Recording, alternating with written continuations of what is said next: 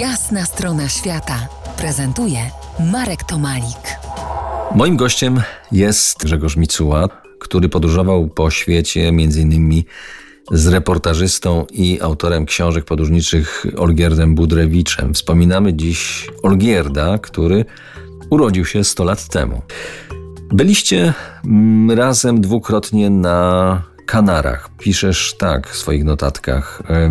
Popłynęliśmy też na Hiero, najdalej na zachód wysuniętej wyspie archipelagu, gdzie z kolei interesował się, to znaczy Olgierd, introdukcją żyjących tam jeszcze przed y, ostatnią wojną gigantycznych jaszczurek. Potem powstawały liczne artykuły. Ludzie wzrokiem oswajali Wyspy Kanaryjskie. No i co? Teraz po wielu latach mamy tam natłok ludzi z Polski. Czy on kiedykolwiek myślał, że tak się może po prostu wydarzyć, że te świetne artykuły, które on pisał, będą owocować y, no, takim bardzo silnym impaktem turystycznym miejsc, które opisywał? Nie wiem.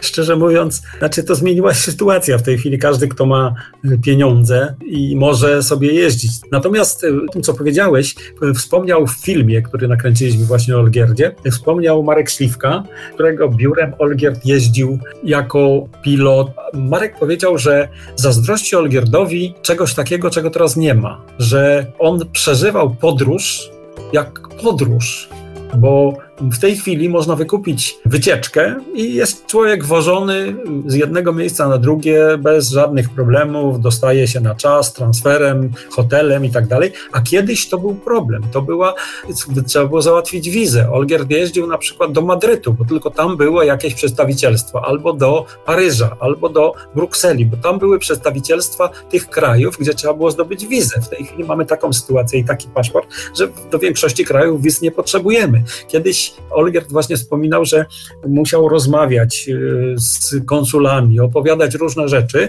i starać się bardzo, żeby dostać jakąś wizę i nie zawsze dostawał. Ale podczas y, samotnej podróży po Estremadurze uważanej za najdzikszą część Hiszpanii, Olgierd y, miał już ponad 80 lat. Byłeś zaskoczony, kiedy na towarzysza podróży wybrał właśnie ciebie?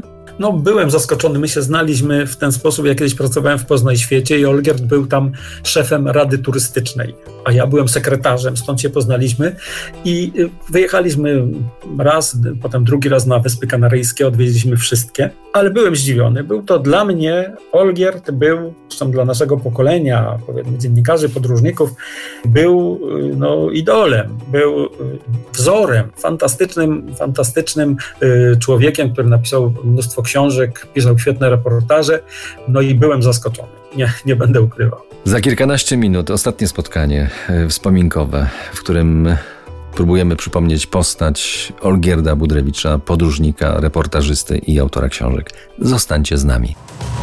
To jest jasna strona świata w RMS Classic.